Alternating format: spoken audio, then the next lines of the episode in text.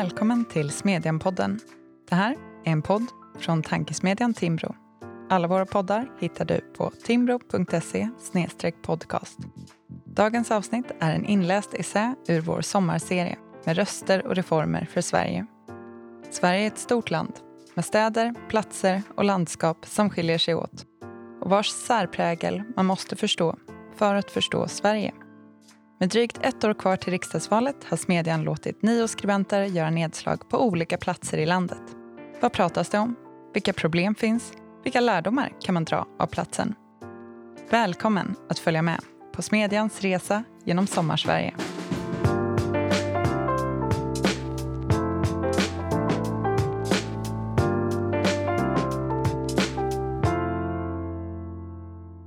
I dagens avsnitt hör vi Joakim Broman och essän På spaning efter den industri som flytt från Ramsele i Sollefteå. De massiva björkarna på framsidan av vårt hus brukade skymma sikten för den som åkte Ängsvägen ner. Men vid vägens slut kunde man se Raffnahallen, Ramseles hockeyhall, i sin modesta prakt. Den ser inte mycket ut för världen. Blå plåt och ett flackt lutande tak. Men det är egentligen otroligt att det står en fullt fungerande hockeyhall därtill med Ångermanlands bästa is i en by med 800 invånare. Raffnahallen byggdes 1991 efter att Sollefteå kommun lovat att stå för halva kostnaden om Ramseles invånare stod för den andra hälften. De lokala företagen köpte sponsorplatser, barnen sålde Bingolottor. De vuxna, inklusive min pappa, gick till bygget och gjorde dagsverken. 1992 stod den klar. Eldsjälen Thomas Hellgren fick Modo Hockey att komma och möta Ramsel IK i en uppvisningsmatch för att ge hallen en riktig invigning. RIK tog ledningen med 1-0. Jag var nio år gammal och hade förläst mig på Buster, trodde att min moderklubb gick mot en sensationell seger och blev tjurig när Modo till slut vann med 18-1. Ingen annan var sur. Musiken ekade ut över ängen och grusplanen intill. Raffnahallen är sinnebilden av min uppväxt. Jag gick dit och hade isen för mig själv nästan varje dag efter skolan. Men den är också en symbol för en passerad tid. Då tänker jag inte på att lokalbefolkningen själva handgripligen byggde delar av hallen, vilket nog inte händer numera, utan främst på att nya saker byggdes här. Ramsele ligger i utkanten av Sollefteå kommun. Det är sju mil till centralorten, som i sin tur ligger längst in i Ångermanlands inland. På den tiden verkade ingen tycka att det var något argument mot någonting. Längre bort i mitt kvarter byggde bostadsbolaget skärmiga små lägenhetshus. I grannkvarteret restes nya, i sammanhanget lyxiga villor. Kommunen byggde om och till skolan under min mellanstadieperiod. Och även om vi fick ha sexualundervisning i byggbaracker under något år blev den nygamla skolan riktigt fin. Till och med staten satsade på Ramsele. Riksarkivet hade sedan tidigare en avdelning i Ramsele. Där skulle min mamma börja när hon slutade på posten. Och 1994 byggde de ett släktforskarcentrum vid Nipans kant. Från föreläsningssalen hade man utsikt över dalgången ner mot Faxälven mot den gamla kyrkan där byn en gång ska ha legat innan en dräng brände ner den. Företag startade och inte bara av jordbrukare och byggare. På högstadiet gick vi på studiebesök till ett företag som specialiserade sig på avancerad och storskalig inskanning. En stor del av affärerna kom förstås från Riksarkivet men ett högteknologiskt litet IT-företag mitt i Norrlands inland var det icke desto mindre. Jag tänkte av naturliga skäl inte så mycket på politik på den tiden, när jag mest traskade mellan hockeyhallen och fotbollsplanen. Idag ser jag flera av våra viktigaste, intressantaste och mest svårlösliga politiska problem segla ner mot älven. Kriminaliteten är oundviklig att prata om. När jag var yngre fanns det fortfarande en polisstation intill det gamla stadshuset, men den lades ner i början av 90-talet. Det tog några år innan det fick några synliga effekter men när närmaste polisbil i regel finns sju mil bort dröjer det inte länge innan andra krafter flyttar fram positionerna. Redan när jag var i färd med att flytta till Uppsala 2002 hörde jag rykten om att gamla skolkamrater börjat sälja hasch till högstadieelever. Det var kanske inte väsensskilt från att en kille i klassen över mig brände mäsk i sitt skåp på skolan när jag själv gick i högstadiet, men det kändes att något större hade förändrats. Min pappa installerade ett larm i sin lanthandel eftersom det plötsligt var ett inbrott i månaden. En rad företag och privatpersoner drabbades och en grannsamverkan mot brott startades. Ryktet säger att gamla skolkamrater till mig under flera år plundrat dödsbon innan de inviterats. Det är svårt att hitta skarpa fakta, men andra händelser i byn omskrivs av Örnsköldsviks Allehanda eller tidningen Ångermanland. Till exempel när maskerade personer bryter sig in i en av mina gamla klasskamraters hem, misshandlar honom, släpar ut honom i skogen och skenavrättar honom. 2016 åtalas två bröder för mordförsök efter att de drogpåverkade gick hem till en 50-åring och högg honom i bröstet 30 gånger med en kniv. Polisen i Sollefteå fick ett tips flera timmar innan dådet men ingen bil skickades. Ja, 30 år senare har Ramsele blivit en annan by. En barndomskompis till mig som jag fortfarande umgås med varnar mig för att romantisera för mycket om hur livet var när vi växte upp. De äldre i byn pratar om hur alkoholproblemen var utbredda och om all kvinnomisshandel som fanns för. Brottsligheten och de sociala problemen fanns där, men var inte synliga på samma vis. Det råder dock ingen tvekan om att tillvaron förändrats på fler sätt. Att björkarna vid mina föräldrars gamla hus är nedhuggna beror inte på samhällsutvecklingen utan på den som köpte huset när mina föräldrar drog vidare till Småland. På samma vis är brottsligheten idag något som mer hänger ihop med den övergripande utvecklingen av den här landsänden.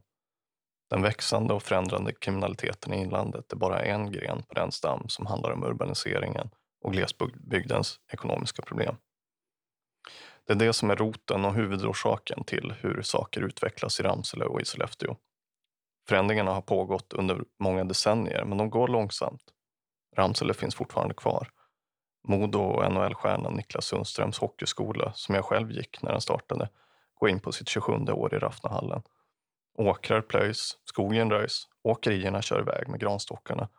Skenbart ser byn ungefär ut som den gjorde i mitten av 90-talet. Men lastbilarna är färre. Många hus står tomma. Hyreshusen mitt mot mitt gamla hus är rivna och ingen tänker på att bygga nytt. Ica CT-hallen där jag sommarjobbade i skärken har blivit nedgraderat från supermarket till nära.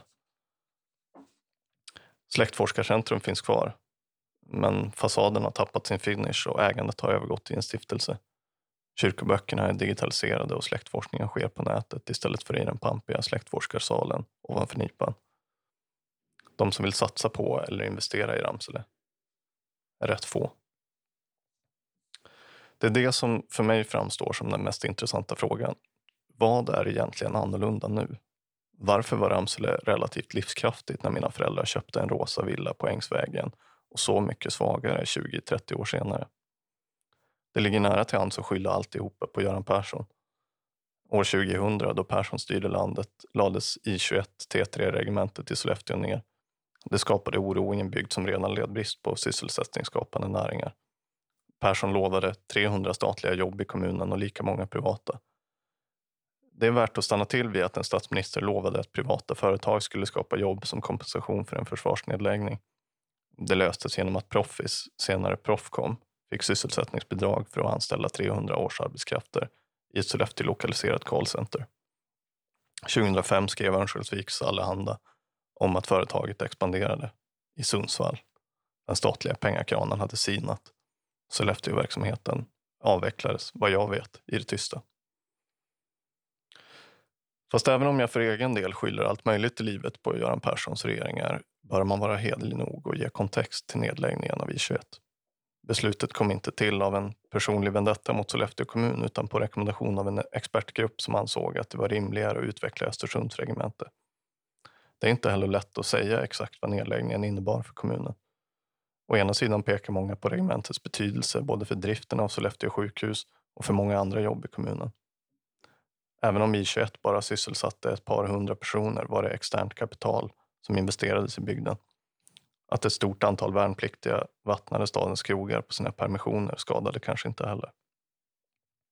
Det alternativa perspektivet, som kanske kan anföras till Göran Perssons försvar, är att beslutet som mest var en svag förstärkning av en utveckling som pågått under lång tid. Ekonomihistorikern Jan Jörnmark har i artiklar och böcker beskrivit den långsamma, ibland smärtsamma och ofta politiskt misskötta strukturomvandling som den svenska ekonomin genomgått sedan 1960-talet. I en av sina artikelserier för Dagens Industri pekar Jörnmark på att Sverige drog sig in i efterkrigstidens ekonomiska expansion på fördelaktiga villkor. Små industribygder fanns utspridda över hela landet och blomstrade under 1950-talet. Sollefteå var en av dem. 1960 bestod en tredjedel av kommunens näringsliv av industrijobb. Sågverken och vattenkraftverken byggdes ut. Sveriges dopade förutsättningar i krigets spår innebar att en redan stark socialdemokrati konsoliderade sin makt. Det var rekordår för Sverige, decennierna då, blev vi, då vi blev världens rikaste land tack vare Erlander, Palme och Rehnmeidner. Tiden som tänkare som Daniel Suhonen nu inspireras av för att staka ut vägen framåt. Men problemen stod för dörren. När världsmarknaderna öppnades skapade de gamla krigstidsregleringarna problem både för företagen och det offentligas förmåga att styra resurserna dit de behövdes. Kapitalmarknadsregleringarna innebar att företagen inte kunde göra tillräckliga investeringar för att upprätthålla sin konkurrenskraft. Regleringen av bostadsmarknaden försvårade den regionala omställningen. Storstädernas tillväxt begränsades samtidigt som bostadsbyggande på andra håll i landet subventionerades kraftigt. Hyreshusen som byggdes i mitt kvarter i Ramsele under början av 90-talet hade nog inte byggts utan sådana subventioner. Den svenska ekonomin delades under 1980-talet i två spår. Å ena sidan framväxten av finansiellt och tekniskt orienterade branscher med stark koncentration i storstäderna, kanske främst personifierad av Jan Stenbeck.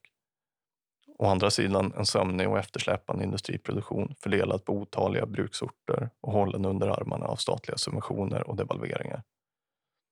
Socialdemokratins naturliga instinkter, den aktiva industripolitiken och den subventionerade bostadspolitiken motverkar både framväxten av det nya och omställningen av det gamla. Varvstöd blandas med det rena företagsbidrag som syftar till att fabriker ska spridas ut över landet men som i praktiken bara leder till okonsoliderade och ineffektiva företag. När utvecklingen kulminerar i form av 1990-talskrisen skapar de politiska besluten förutsättningar för en mycket snabb omställning. Bostadspolitiken avsubventioneras och prissättningen av bostäder i storstäderna marknadsanpassas för bostadsrätter, vilket leder till en befolkningsexplosion i storstäderna. Industrin hårdrationaliseras samtidigt och blir konkurrenskraftig tack vare ökad produktivitet snarare än på grund av generösa devalveringar som också hade urholkat valutans köpkraft. Avregleringen av kapitalmarknaderna ledde till mer rationella investeringar, konsolideringar och koncentration av produktionen. Sedan dess har storstadsspåret kommit att dominera i ekonomin. Bara i Solna-Kista-området skapades det under de två decennierna efter 1995 lika många arbeten som i Värmland, Gävleborg, Västernorrland, Jämtland, Norrbotten och Kalmar län tillsammans, som Jörn Mark skriver. Det var i svallvågorna av rekordåren som till och med Ramsele kunde växa. Men det framstår idag allt mer som en chimär.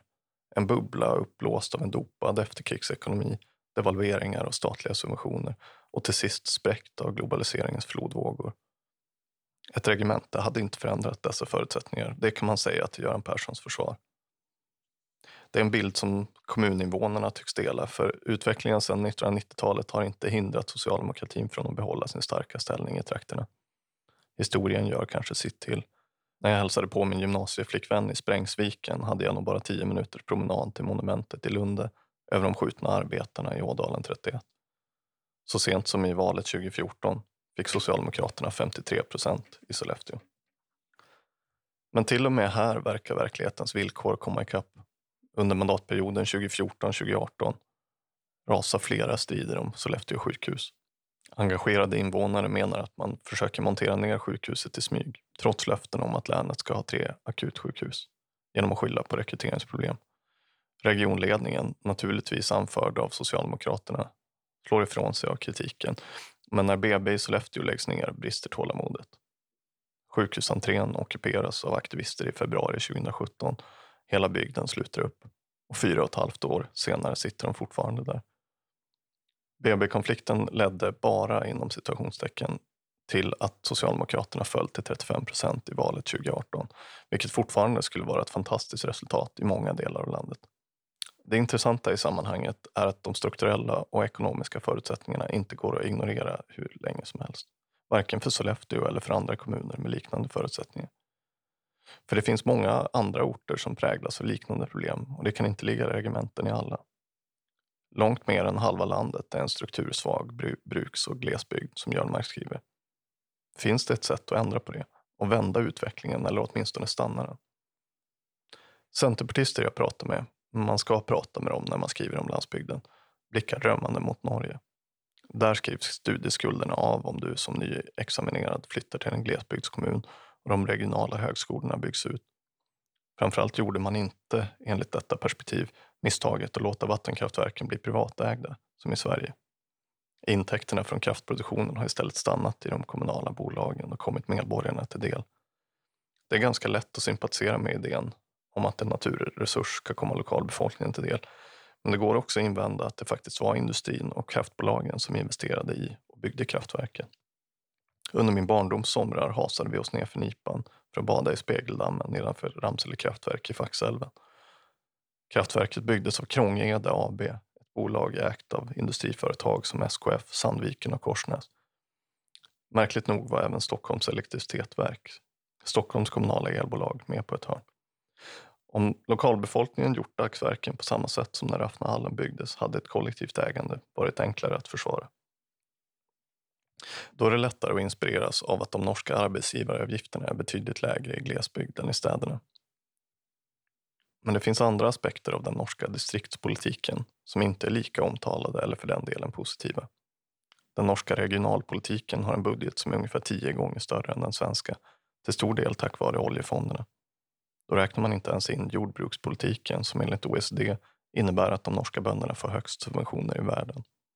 Den norska produktionen skyddas genom tullar, vilket driver upp matpriserna. Det kanske är lättare att svälja att en liter mjölk kostar 20 kronor, om hälften är landsbygdspolitik. Mer intressant är att norrmännen också satsar stort på elflyget. Det framställs ofta som en klimatsatsning, men bör både i den norska och den svenska kontexten snarare betraktas som en landsbygdssatsning. Den norska geotopografin gör inrikesflyget oumbärligt men elflygets fysiska och tekniska egenskaper innebär dessutom att det är perfekt för småskalig trafik på stadsnära flygplatser. Elflyget kommer, om det klarar inträdesbarriärerna, att få låga inköps och underhållskostnader, kortare utvecklingstider, kortare start och landningsbanor också långsammare och tystare flygplan. Vilket gör att det går att få ekonomi i en helt annan typ av resor. Göteborgsbaserade Heart Aerospace, som siktar på att ha elflygplan i kommersiell trafik 2026, pekar exempelvis på Bergen-Stavanger som ett perfekt exempel. En bilresa mellan orterna tar sex timmar, men en flygresa tar mindre än en halvtimme. Kan elflyget vara en dellösning även för Sollefteå? En ny regional infrastruktur som är billig att etablera och kan skapa nya tvärförbindelser inte bara mellan norrländska städer utan även till Norge och Finland framstår som en stor möjlighet för en geografiskt utmanande ort i Norrlands inland.